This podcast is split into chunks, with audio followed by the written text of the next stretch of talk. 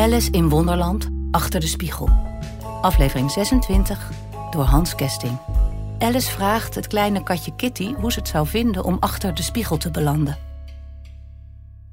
Als je nou maar goed oplet, Kitty, en niet zoveel kletst... zal ik je alles vertellen wat ik van het Spiegelhuis weet. Om te beginnen is daar de kamer die je kunt zien door het glas.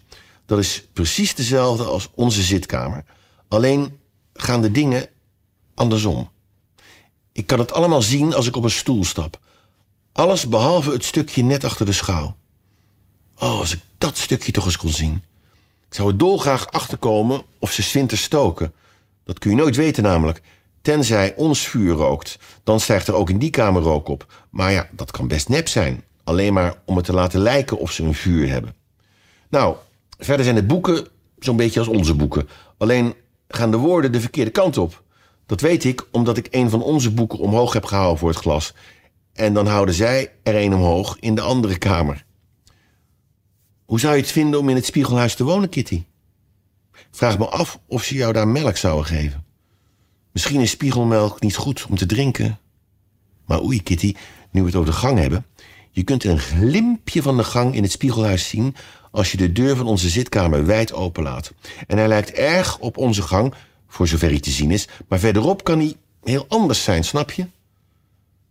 Oh, Kitty. Wat zou het leuk zijn als we toch eens een keer het spiegelhuis in konden. Ik weet zeker dat daar o zo mooie dingen zijn. Laten we doen alsof we er op de een of andere manier binnen kunnen komen, Kitty. Laten we doen alsof het glas net zo zacht is geworden als gaas, zodat we er door kunnen. Jeetje, nu verandert het in een soort mist. Niet te geloven. Zo komen we er makkelijk door.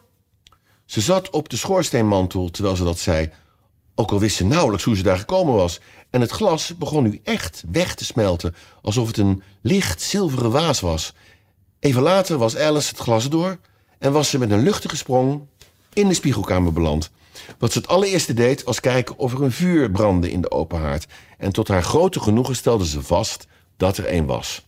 Een, een echt vuur, net zo vrolijk aan het vlammen als het vuur dat ze achter had gelaten.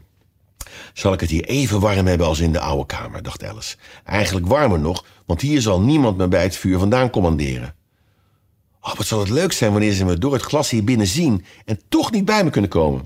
Toen begon ze om zich heen te kijken en stelde vast dat alles wat er te zien was vanuit de oude kamer heel gewoon en oninteressant was, maar dat al het overige zo verschillend was als maar kon. De prenten aan de muur naast de haard bijvoorbeeld leken springlevend. En de klok op de schoorsteenmantel, je weet dat je de achterkant daarvan alleen in de spiegel kunt zien, bleek zelfs het gezicht te hebben van een oud mannetje dat naar haar grijnsde. Ze houden deze kamer niet zo netjes als de andere, dacht Alice bij zichzelf. Want ik zag verschillende schaakstukken tussen de sintels in de haard liggen. Maar direct daarop was ze met een klein O van verbazing op handen en knieën gezonken om naar ze te kijken. Schaakstukken liepen rond, twee aan twee. Dit zijn de rode koning en de rode koningin, zei Alice, fluisterend, uit vrees hen aan het schrikken te maken. En dat zijn de witte koning en de witte koningin, zittend op de rand van de schep. En dat zijn twee torens, arm in arm aan de wandel. Ik geloof niet dat ze me kunnen horen, ging ze voort, terwijl ze haar hoofd nog verder omlaag boog. En ik ben er bijna zeker van dat ze me niet kunnen zien. Ik heb ergens het gevoel dat ik onzichtbaar aan het worden ben. Nu begon er iets te piepen op de tafel achter Alice waardoor ze zich nog net op tijd kon omdraaien om te zien hoe een van de witte pionnen omverrolde en begon te schoppen. Ze keek ernaar, heel nieuwsgierig wat er daarna zou gebeuren. Het is de stem van mijn kind, riep de witte koningin uit, terwijl ze de koning voorbij vloog. Zo heftig dat ze hem omverliep en hij tussen de sintels belandde. Mijn dierbare Lily, mijn koninklijk kleintje! En ze begon in het wilde weg tegen het haardscherm op te klauteren. Koninklijke kletskoek, zei de koning, terwijl hij zijn neus wreef, die gewond was geraakt door de val. Allicht dat hij een beetje nijdig op de koningin was, want hij zat van top tot teen onder de as. Alice popelde om te helpen en omdat de arme kleine Lily zich bijna een beroerte schreeuwde, pakte zij de koningin haastig op en zette haar op de tafel naast haar luidruchtige dochtertje. De koningin hijgde en ging zitten. De snelle reis door de lucht had haar de adem benomen en een minuut of twee kon ze niets anders dan de kleine Lily in stilte tegen zich aandrukken. Zodra ze een beetje op adem was, riep ze tegen de witte koning, die humeurig in de as zat. Kijk uit met die vulkaan. Welke vulkaan? zei de koning, bezorgd omhoog kijkend in de haard, alsof hij dat de meest waarschijnlijke plaats achtte om er een aan te treffen. Blies me omhoog, hijgde de koningin, die nog een beetje buiten adem was.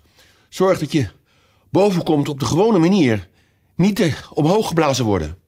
Alice keek toe hoe de witte koning zich langzaam van stang naar stang worstelde, tot ze tenslotte zei: Jemig, in dat tempo kost het u uren om de tafel te bereiken. Ik kan u toch best even helpen? Maar de koning sloeg geen acht op de vraag. Het was volkomen duidelijk dat hij haar horen nog zien kon. Dus pakte Alice hem heel voorzichtig op en verplaatste hem langzamer dan ze de koningin had gedaan, om hem niet de adem te benemen. Maar alvorens hem op de tafel te zetten, kon ze hem, zo leek haar, best even afstoffen. Hij zat zo onder de as. De volgende aflevering wordt gelezen door Hugo Kolschijn.